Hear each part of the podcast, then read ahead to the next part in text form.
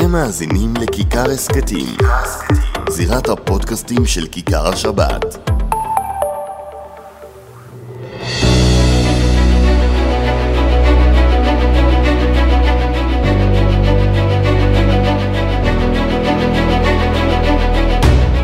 שלום לכם, אנחנו עם אה, עוד פודקאסט. אה, תצפה, תצפה. תצפת, נו. אתה רואה, בסוף בלי זה בלי מצליח. זה זה לא הזירה של בסוף זה כיכר מצליח. מה שלומך אבי וידרמן? קשיח יציב, תסביר. נמאס לי. אמרתי לך את זה כבר בשבוע? הקודם, כן, די, יוצא מכל החורים כבר. כאילו זה נחמד, חבר'ה, וזה על האש, אבל די, לפעמים גם אתה רוצה לחזור הביתה. טוב. על מה נדבר היום? פוליטיקה, בחירות, תקציב כלכלה, המדינה. תקציב כלכלה, המדינה, זה הסיפור. הגדול עכשיו. והאזהרה של הנגיד בנושא הזה שאם אה, תיפתח מלחמה בצפון איפה שאתה נמצא ייתכן מאוד שגם הריביות יעלו שוב. וכמובן חטופים חטופים אנחנו כבר למעלה מ-100 ימים עם אותם אה, למעלה מ-100 נראה לי 137 חטופים בתוך רצועת עזה ואני רוצה לפתוח עם אה, הסיפור של החטופים ברשותך. בבקשה. יש תחושה אה, שמתקבלת לפעמים בשידורים, בראיונות, כביכול, וראיתי את זה גם כותרת נראה לי בעיתון הארץ, כביכול יש איזושהי עסקה על הפרק, אבל נתניהו או גלנט מונעים את העסקה הזו. עכשיו אני רוצה לומר, ראשית, אי אפשר לבוא בשום טענה או הערה למשפחות החטופים. כולנו ודאי, היינו ודאי, עושים ודאי, בדיוק ודאי. כמוהם ואפילו יותר מהם, ואמרתי בעבר, היינו מנסים גם להיכנס לתוך עזה לחלץ אותם. אי אפשר להגיד עליהם שום דבר, ולפעמים אני רואה ציוצים ושדרנים שאומרים שהם... זה חובתם, זה לא זכותם להתנהל באופן אל תחליפו, אתם לא משמעית. רוצים להחליף אותם. חד משמעית. אבל אני כן אומר שהתחושה שנותנים כביכול נתניהו מונע עסקה, ושוכחים שבצד השני יש ארגון טרור חמאס, קצת כואבת לי. ובטח שאנחנו יודעים שהדרישה הראשונה של חמאס, שהוא לא יורד ממנה גם בשבוע האחרון, זה הפסקת זה הלחימה. הפסקת הלחימה ואז משא ומתן. ולזה גם גנץ ואייזנקוט לא מסכימים. אני חושב שגם רוב הציבור הישראלי, אני רואה כמה סקרים, אתה יודע, מדי שבוע, אני לא רואה לזה אפילו התחלה של אה, רוב בציבור הישראלי, נהפוך הוא. זאת אומרת, עם כל האמפתיה, ויש אמפתיה אדירה, באמת, זאת אומרת, אי אפשר להגזים באמפתיה שלנו למשפחות החטופים ולחטופים עצמם. הם באמת כאילו בראש סדר העדיפויות. אבל זה לא יכול לבוא על חשבון החיים עצמם. כי ב- ראינו מה קרה ב- ברגע שאוגדה 36 יצא אה, ממרכז הרצועה, בו ב- יום למחרת חטפנו 50 רקטות בנתיבות, זה המחירים שאנחנו נשלם. אגב, יש גדול שהיה בנתיבות שיממה לפני כן הם ניסו לשגר. ו- 40, 40, אה, ואוי ואבוי לנו מה יכול לקרות בדיוק. שם רק 100 מהריצה של אלף ה... איש, 100 אלף איש, תבהלה כזאתי, כשאין שם מרחבים מוגנים באזור. אתה אגב היית בהילולה? כן. גם אני.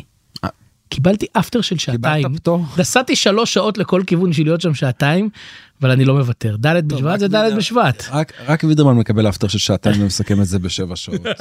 שמונה. זה מקצוע. טוב. בקיצור זה הנושא של החטופים אני חייב לומר לך הרגשתי לא בנוח בימים האחרונים שאני רואה את הדיווחים האלו ואני אומר את זה מידיעה גם בשיחות עם חברי קבינט עם אה, גורמים שנמצאים במוקד קבלת ההחלטות. אין איזושהי עסקה שעומדת על הפרק ואפשר ללכת איתה ונתניהו או מי מהימין מנסה למנוע. אבל כן יש אירוע אחר שאנחנו מתחילים לראות אותו עם בני גנץ שהוא מציב לנתניהו הוא לא מציב דדליין אבל הוא מציב לו דרישות. ובעיקר הדרישה המרכזית שלו בואו נתחיל לדון ולדבר על היום על היום שאחרי. שאחרי. ואני לא יודע אם זה מה שיוביל לפירוק ממשלת החירום אגב אין ממשלת אחדות בישראל צריך לומר את זה אין מושג של ממשלת אחדות בישראל לא גנץ לא אייזנקוט לא נתניהו לא גלנט יש ממשלת חירום. אה, אחדות אין פה לצערנו ואנחנו רואים את זה כמעט מדי יום בטקסטים החריפים שאנחנו שומעים מחברי הממשלה כדוגמת אה, השר דודי אמסלם השבוע על חילי טרופר ועל בני גנץ. אחדות זה לא חירום זה כן כן. והדרישות של גנץ השבוע הם למעשה מציבות לנתניהו אה, יעדים שגנץ רוצה לעמוד בהם כשותף בכיר בקואליציה הזו בממשלת החירום. ואיך אומרים זה לא מקצר את ימיה של הממשלה אבל ודאי זה לא מוסיף ימים לממשלת החירום. ובכלל שאנחנו מדברים על היום שאחרי אני חייב לומר לך שמבדיקות שעשיתי ושיחות נראה שיש רוב בקבינט המלחמה כן לדון ולהתחיל לעסוק ביום ברור. שאחרי.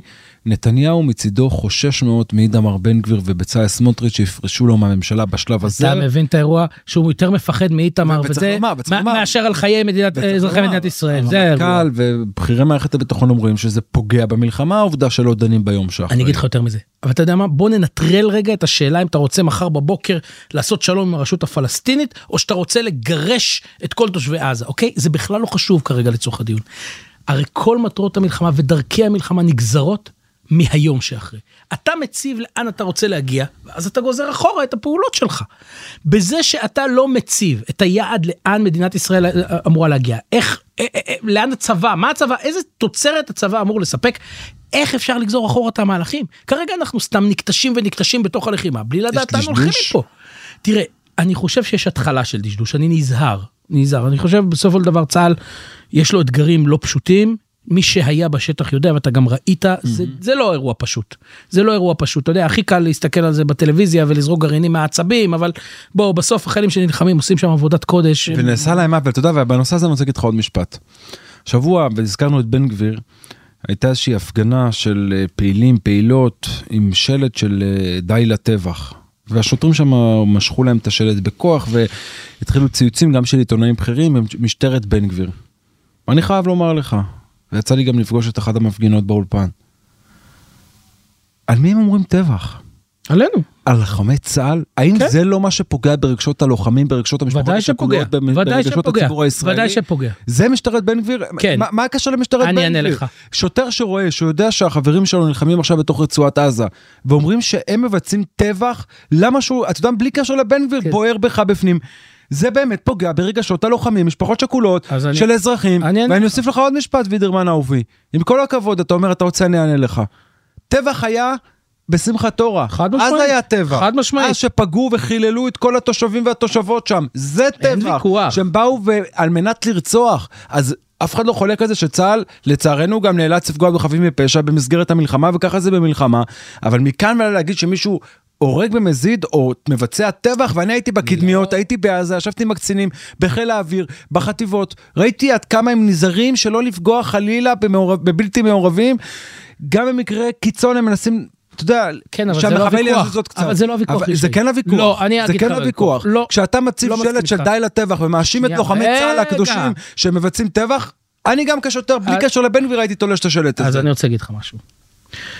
בסופו של דבר בוא אני לוחם צה"ל ואני לוחם גאה ואני לא חושב שצה"ל הוא צבא לא מוסרי צה"ל הצבא הכי מוסרי שיש והלוואי וכל צבאות העולם ילמדו מאיתנו יש לנו מה ללמד את, את כל העולם אנחנו יכולים להיות מאוד מאוד גאים בצבא שלנו ובאנשים ובחיילים הכי טובים בעולם. אבל לפני שנה וחצי עוד בימי ממשלת השינוי העליזה שהייתה פה הפגנה אני כבר לא זוכר על מה של חרדים שהמסרים שלה היו איומים. איזו השוואה תמתין, מקוממת. תמתין, השוואה. תמתין. פעם ראית חרדי שאומר תמתין. שלוחם צה"ל, גם אם יש תמתין, ויכוח, לא. תמתין. תן לי רגע לסיים את הטיעון, לא, ואז לא תתפרץ. יכול לשמוע אה, אותו. אין בכלל לא. יכול לשמוע את אין לך מה. לעשות. הטיעון הוא כזה, אנחנו צריכים להיות סובלניים גם לעמדות אבל מקוממות. אבל ההשוואה שלך. ההשוואה שלך היא מקוממת, אתה משווה ויכוח לא אידיאולוגי על כן גיוס לא גיוס חרדים לצבא. בשבילך זה ויכוח אידיאולוגי, בשבילם זה ויכוח אידיאולוגי. אבל איש לא, בציבור החרדי, איש בציבור החרדי לא אמר שלוחמי צה"ל מבצעים טבח, מה ההשוואה המקוממת הזו, אבי, עם כל הכבוד? אני אענה לך. אין שום השוואה, אין אני שום לא, קשר. אני לא משווה ואני לא מזדהה ואני ו- בז לאנשים האלה, אבל זה לא מדבר- רלוונטי. ואם אתה מדבר על הפלג הירושלמי לא. וההפגנות שלהם, להזכיר לך איזה, איזו אלימות הייתה של המשטרה בהפגנות האלו? מה זה קשור? נכון, וגינינו אותם, זה בדיוק כן, מה שרציתי להגיד ולא נתת לי. אתה צריך להגיד להבדיל אלף גינינו אלפי אותם, הבדלות, אני אין מגנה שום- אלימות. אין שום השוואה בין אנשים. אני לא משווה בין המשטרה אומרים אנשים. מסייעים, מסייעים לאויב ויכול להיות שצריכים להסכים עם המשטרה שזה סיוע לאויב. אין בעיה, תתבע אותם, אל תרביץ להם. לא, לחטוף שלט של די לטבח? כן, זה לא תפקיד של משטרה. והכי קומם אותי שעוד השווית את זה להפגנות חרדים, פשוט בושה, מי שחוטף היום שלט של אה, אה, ארור ומתועב ככל שיהיה, של ה- לא יודע אם זה אפילו לקרוא להם שמאל קיצוניסט תהיה מחמאה, באמת כאילו לא לא מגיע להם אפילו שנקרא להם שמאל קיצוני, אבל מי שחוטף מהם שלט יחטוף מחר מחרדים. נכון, א', כי- מחרדים. וזה לא בסדר, אבל- איש אבל זה לא בסדר, זה בסדר. זה לא תפקיד המשטרה. אז אני- אומר קודם כל שמבחינתי זה בסדר כאזרח ששוטר מגיע, גם אם זה יהיה למה? כי חרדי. זה נוח לך? לא, גם אם זה יהיה הפגנה של חרדים, תהיה הפגנה של חרדים ויש שם אני שלט לא שאת לא מאשים את הצבא. ברצח, בטבח, לא תתלוש רוצה. וגם תעצור אותו, אין לי בעיה. לא רוצה, לא אני- את זה ולא אני את חי זה. במדינה וזו דעתי. אז זאת, אז, זכותך לחלוק. אז אני חולק, אני חושב שמשטרה לא צריכה, ואם היא חושבת שנעשתה עבירה על החוק, חובתה, חובתה לתבוע אמרתי, את האיש, הקוזק- מצוין שיעשו הקוזק את זה. הנגזל כתבתי והעירו לי בצדק זה הקוזק הגוזל לבוא להגיד על צה"ל שהוא. מבצע טרח ועוד לבכות שחטפו לכם את השלט נו אבל באמת. אין ויכוח, אין ויכוח פה, אבל אה, בוא, חטיפה של שלט זה לא משהו שמשטרה אמורה לעשות. זה הכל, זה כל מה שאני אומר. גם אם זה פוגע ברגשות הציבור כן, וסיוע לאויב כן. בשעת מלחמה? סיוע לאויב שיתבעו אותם, זה בבקשה. המשטרה אמרה, לא אני. בבקשה, אני לא, אתה ראית כתבי אישום? אני ראיתי עכשיו רק האירוע היה. בוא נראה. בוא נתערב שלא יהיו כתבי אישום. חכה ימים יגידו. יאללה, סגרנו. אה, אני מבקש פה מצוות ההפקה עוד שלושה חודשים, תזכורת. אני צריך להלבין אני את לא פניו של ש- ישי, ש- כן. שיהיו כתבי אישום. אה, לא, לא, לא, בסדר. לא אבל אם יש כזאת אמירה, אני אני דורש ממשטרת ישראל להעמיד אותם לדין. לא יש כזו אמירה של אז שת- אז שיעמדו מאחורי מה שהם מסברים. טוב יאללה, בוא נמשיך. נוריד את ה... אבל לא יודע, אנחנו קיבלנו הערות שאנחנו צריכים להתווכח יותר, ישי, אז בוא, בוא אני לא. מתווכח אני לא- אני לא מתווכח עם לוחמים בשעת מלחמה. במיוחד שהם עם נשק. במיוחד שהם גם היו אצל הבבא סאלי השבוע. טוב אני רוצה לחזור איתך שוב אה, למלחמה עצמה ולעבור לגבול הצפוני. אני רוצה לעבור מתישהו למלחמה על התקציב, למה זה. זה זה יעביר אותנו לנושא הכלכלי בדיוק. קדימה. אמר השבוע נגיד בנק ישראל שאם תיפתח אה, מלחמה בצפון אז יצטרכו לעשות שינויים כשהוא מתכוון כמובן להעלאות ריבית. לפני שנדבר על הריבית ועל הכלכלה ועל התקציב ונגיע גם לתקציב הישיבות, עד כמה כמי שנמצא שם בצפון כל יום, אתה יודע נגיד את זה אחרת. אני אשאל אחרת. אומר נגיד אם תהיה מלחמה, האם אנחנו לא נמצאים במלחמה היום? כי הרי בסופו של דבר התושבים לא בבתים, אנחנו מורתעים, אנחנו סופגים כל יום עשרות שיגורים, יש נרצחים, זו לא מלחמה? זה עם אימא של המלחמה, אבל אנחנו לא תוקפים. אנחנו כאילו, אנחנו תוקפים מרחוק, אנחנו תוקפים עם ארטילריה, תוקפים עם טנקים, אנחנו לא, אנחנו נמנעים מקרבות אה, פנים אל פנים. לדעתי האישית זאת טעות איומה, אני יכול להבין למה זה קורה, אבל זו טעות איומה שתעלה לנו גם בחיי אדם וגם בכסף רב. יכול להגיד לך שיש יישובים שנחרבו, דוגמת, אה, דוגמת מה שקרה בדרום. כשהתושבים יחזרו לצפון, יש יש יישובים באמת, מסוימים, הייתה מחלוקת כזו ברשתות, האם יש יישובים שנמחקו או שזו סתם הגזמה. מכיוון שראיתי בעיניים, אני יכול להעיד לך. אה, זאת אומרת שיש תושבים יש- שנמצאים במלונות שכשיחזרו הביתה הבינו שאין להם לאן לחזור. אני רוצה יותר חריף, יש לפחות יישוב אחד שלא נשאר שם כלום. איזה יישוב? בוא נדלג, זה לא צריך לתת לאויב את כל הפרסים עכשיו, אספר לך אחר כך. יש יישוב אחד על הגבול, שכבר לא נשאר ממנו שום דבר, אין לאן לחזור. וואו. טוב, אה, עכשיו זה מגיע, מוביל אותנו לכלכלה ותקציב המדינה. קודם כל, תשמע, תקציב צה"ל כמעט הוכפל, לא? תקציב צה"ל כרגע קיבל 20, תקציב הביטחון. 20, 20 מיליארד שקל תוספת מתוך ש... שסך הכל הורד על 71, זאת אומרת זה מדובר על תוספת מאוד מאוד משמעותית. הוא כנראה יגדל בהרבה הרבה יותר. העלויות העקיפות הן עלויות אסטרונומיות. זה בלי לדבר על השיקום. איך זה ישפיע על- עליי כאזרח? איך זה ישפיע עליך כאזרח? אני אתן לך דוגמה, אני אתן לך? דוגמה. נאמר סתם בשביל הדוגמה, אגב, הדוגמה הכי פשוטה זה העלאת המע"מ באחוז. אני רוצה לתת לך אפילו דוגמה יותר פשוטה. זה רק ב-25 עם תחנת יציאה בנובמבר אה, 24. אה, אז זה עוד חזון למועד, אבל בוא, בוא נסביר שנייה את ההיקף של הנזק הכלכלי שקרה כבר, אוקיי? Mm-hmm. הנזק עוד מתמשך, אבל מה קרה עד עכשיו? תאר לך משק בית שמרוויח 100 אלף שקל לשנה לצורך הדוגמה. מהמם. נחתה עליו הוצאה לא צפויה, עכשיו זה מה שיש לו, אין חסכונות, אין זה, זה מה שיש, יש לו 100 אלף שקל בשנה. עכשיו, את המאה אלף שקל האלה, הוא מבזבז למעשה את הכל, אני אומר במרכאות, מה זה מבזבז? זה דיור, זה אוכל, זה תרופות, זה, זה מאה אלף שקל, הוא יוצא break even, מה שנקרא, שווה בשווה. מכניס מאה אלף שקל, מוציא מאה אלף שקל. פתאום יש לו הוצאה לא צפויה בריאותית, נגיד, סתם בשביל הדוגמה, 50 אלף שקל שהוא חייב לשלם עכשיו ניתוח חירום. אין לו ברירה, הוציא את ה-50 אלף שקל, מה, מה קורה למשק בית כזה? הוא קורס כלכלית. תסביר לי איך זה קשור למלחמה. כי זה מה שקרה לנו. עד רגע זה אנחנו הוצאנו 250 מיליארד שקל. זה טיפה יותר ממחצית תקציב המדינה. טיפה יותר ממחצית תקציב המדינה. זה מספר מטורף, וזה מה שקרה למשק הבית הישראלי. אנחנו הוצאנו כסף שאין לנו, חצי מתקציב המדינה. אנחנו מתווכחים פה הרי על כל שקל לאן הוא ילך, קצבאות אברכים, צבא, רווחה, אנחנו רבים פה כל כך הרבה. ומה שאתה אומר עכשיו... חצי מתקציב המדינה הוצאנו בהוצאות ישירות על ומה המלחימה. ש- ומה שאתה אומר לי עכשיו, יותר מקומם כשמבקשים מהאזרחים לוותר על יום אחד עבודה למען המילואים, לא זוכר בדיוק את הסעיף המדויק שהם רצו שם. איפה הדוגמה האישית של הממשלה הזו? זה ממש מקומם. משרדים מיותרים. משרד האוצר למעלה משישה משרדים נראה לי ביקש אה, לסגור אותם שאין בהם תועלת. עכשיו צריך לומר את האמת, זה באמת אלפית מתקציב המדינה. אבל זה דוגמה. אבל זו דוגמה אישית. נכון. דוגמה אישית לציבור, לאזרחים, בטח שאתה מבקש מהאזרח לבוא ולתרום יום עבודה לאנשי ה- המילואים, מהדקים חגורות. תהדקו גם אתם הממשלה וזה לא שיש מחלוקת האם יש משרדים מיותרים גם ראש הממשלה בעצמו אמר שיש משרדים מיותרים גם שרי הממשלה אומרים שיש שרים מיותרים רק שזה צורך קואליציוני פוליטי. שחררו. הפוליטיקה יותר חשובה מהכל זה מה שהממשלה הזאת לימדה? אותנו. שמע זה זה פשוט טירוף הדעת בעיניי אנחנו וזה לא רק זה גם התוכנית הכלכלית כרגע היא תוכנית עלובה. היא תוכנית שלא רואה את האזרחים אגב הבוקר אני אתה יודע אני ראיתי את זה וזה אגב הזכרת תקציב הישיבות צריך לומר שתקציב הישיבות היה צריך לקפוץ בעוד חצי מיליארד שקל 600 מיליון שקל גפני תיקן אותי השבוע וזה בוטל.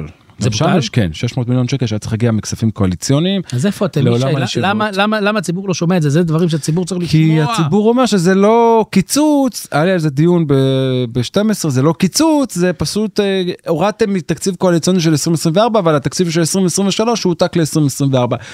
היה לי על זה דיון באולפן, אבל בסוף חצי מיליארד, 600 מיליון שקל שהיה צריך להיות אה, תוספת לתקציב הישיבות, נמחק ב-2024. ואתה יודע מה הכי כואב? נו. ואני שומע את זה בימים האחרונים לא מעט, זה כמה, אני יכול לומר, הסתה הייתה סביב הסוגיה של החינוך החרדי. מסכים. והרבה מאוד הורים היו בטוחים, ספגנו ביקורת, צודקת או לא צודקת, אבל לפחות אנחנו נרגיש הקלה בכיס, פחות תשלום, פחות שכר לימוד. ובסוף הם לא מקבלים את התוספת, את ה... הם כהורה, הם לא רואים שינוי, הם רובם משלמים את אותו כסף כמו ב-2022, גם ב-2023, גם ב-2024 הם ישלמו את אותו כסף. אז כאילו המנהלים לקחו את הכסף, אפילו לא התחלקו עם ההורים, נגיד על כל, בשביל הדוגמה, על כל ילד מקבלים תוספת של 10 שקלים, 5 שקלים תוריד לי מהשכר לימוד, 5 שקלים תיקח אתה ישירות. ואז אומרים, גם ספגנו ביקורת, הסתה, הפכו אותנו לכאלו שבוזזי הקופה הציבורית בזמן שאנחנו אז סך הכל איפה הכסף ישי. איפה הכסף כמו שאמר פעם יאיר. יהודי חשוב כן איפה הכסף. זה, זה אחד הדברים הכי מקוממים עוד פעם שאני אצל שומע בימים המנהל האחרונים. מוסלויס. מה אתה אומר עיניים לשמיים הבנתי את התשובה. אני מקווה שההצפת קלט את מה שקרה פה. אה, תראה אני אגיד לך משהו חריף יותר אפילו פוליטי קשה אפילו. הציבור החרדי בעיניי הוא הציבור הראשון שחייב להתעשת אה, ולהבין מה מה קורה סביבו. הולכים לחזור פה לוחמים מ-130 יום ימי לחימה הביתה. הם הולכים לדרוש את החלפת הממשלה הזאת כולה וכל מי שהיה מעורב זה ודאי מימין ומשמאל זה הולך לקרות. ותעלה גם דרישה, חבר'ה הגיע הזמן לשאת בנטל גם במיסים גם בשירות. עכשיו אני לא אומר אם זה צודק או לא צודק. אני מה, רק תסביר אומר- לצאת בנטל במיסים, רוב ככל הנשים החרדיות עובדות יותר אנחנו שאינן מדברים על חרדיות. עבודה הרבה יותר איכותית, על- לא, רגע, לא, לא על עבודות רגע. של 8,000 רוב, שקל. רוב הגברים החרדים כבר עובדים גם לפי נתוני הלמ"ס, אתה יכול להגיד לא מספיק, אבל למעלה מ-50% זה רוב שכן עובדים, לא רוב ניכר. אני, אז לבוא, אתה יודע, אני- אני לך, קודם כל אני לא מייצג את אני- העמדה אני הזאת, מסכים אני איתך, מזהיר. אני אגב אני מסכים- אני מזהיר, מסכים איתך. אני באתי להזהיר, אני לא באתי אני להגיד לא שאני מסכים. בלוי שיגיד לך עכשיו שאני שאני קונה יותר כיכרות לחם אז אני משלם מיסים יותר ממך אני מסכים איתך בזה שאחד שעובד בהייטק משלם מיסים יותר מאחד שעובד חצי יום ברמי לוי. אז על זה הדיון, ועל זה הולך להיות דיון, והולך להיות דיון על גיוס ואתה מכיר את עמדתי על גיוס, על אני אני הגיוס בוודאי אני חושב אה, שאנחנו אני לא חוזר בי. אבי אני לא חוזר בי ממה שאמרתי לך פה לפני חודשיים יש שינוי בחברה החרדית. ולמרות שמנסים ללעוג לזה זו דעתי אני אופתע אם זה לא יקרה כן נראה זה לא תהליך אנשים לקחו עיתונאים לקחו את הגיוס שהיה תוך כדי מלחמה גיוס הסדיר ואמרו תראו מה קורה שם אין שום עלייה אפילו ירידה מהשנה שעברה שינוי כל כך דרמטי לא קורה בת חודשיים. נכון. השינוי התדמיתי לצבא בתוך אה, הציבור החרדי קרה ובגדול קורה פה משהו אמיתי. אני, אני מעריך רגע רגע רגע אני אנסח את זה ככה אנחנו אף אחד מאיתנו לא לפתע עכשיו לא מאמין בערך לימוד התורה אנחנו עדיין מכירים בערך לימוד התורה וטוב וזה. הדבר הכי חשוב מבחינתנו. אבל כן יקרה כאן משהו שמי שלא לומד תורה יתגייס לצבא מה שלא היה בעבר. אני רוצה להגיד דבר, אני אנסח את מה שאמרתי קודם בצורה קצת אחרת. הציבור החרדי חייב להבין שהוא הולך לפגוש ברחוב ציבור חילוני אחר וזה לא משנה אם הוא ימני או כן אבל שמאלני. רוב, רוב הציבור האחר הזה גם ציבור שנמאס לו משיח השנאה שהייתה פה בשנה האחרונה. הכל נכון. הוא יתווכח איתו בצורה נכון, אחרת. הכל נכון ועדיין ואני מקווה שלא תיגררו חסר- אחרי קבוצה שולית אני לא שתנסה אגרר, בשביל אני לא- מלחמת אני- אחים אני- להחזיר את הוויכוח למקום שהוא אישי. ואני אומר ואגב ושנאה. אני, אגב תדע לך לפילוג. אני אגיד לך עוד משהו דווקא מי שהיום מוביל את הקו הכי ניצי נגד החרדים זה מגיע דווקא משורות הימין. אני רואה את זה במילואים, אתה יודע, זה דבר בולט מאוד. האנשים שהכי הכי הכי אנטיים דווקא הכיפות הסרוגות. בצורה מובהקת, בצורה מובהקת. למה הם לא מתגייסים? למה הם לא לא חדש, משרתים? זה לא חדש, מי שיודע זה גם היה בבית הנשיא.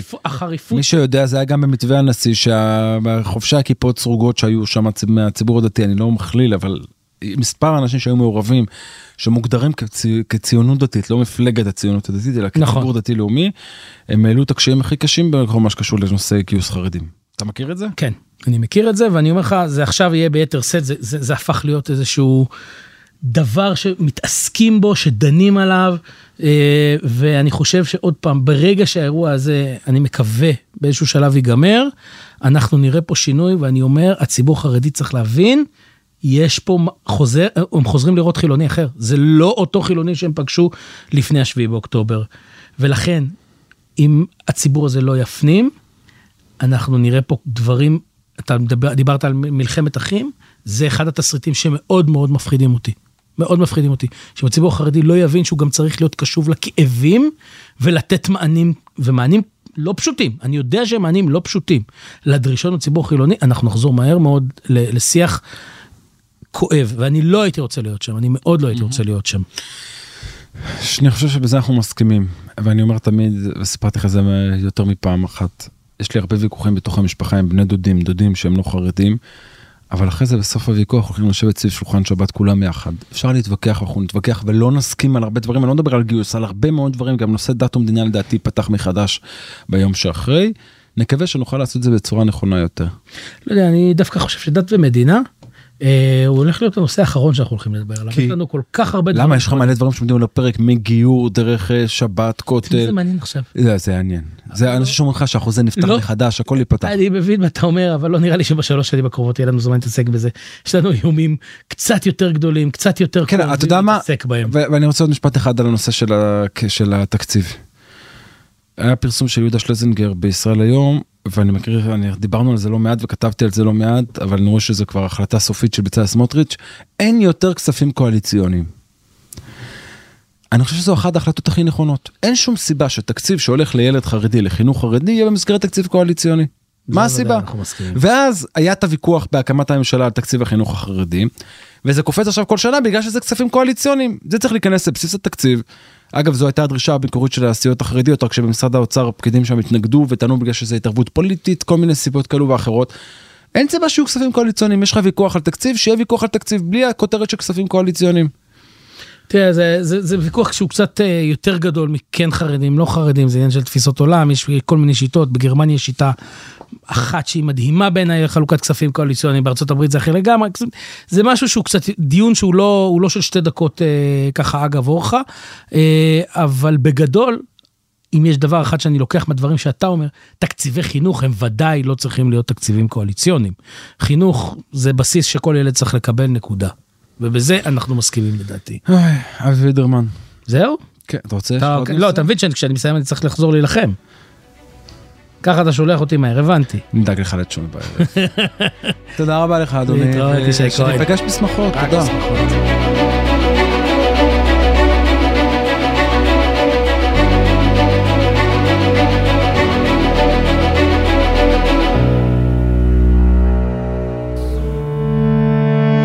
אתם מאזינים לכיכר הסכתים, זירת הפודקאסטים של כיכר השבת.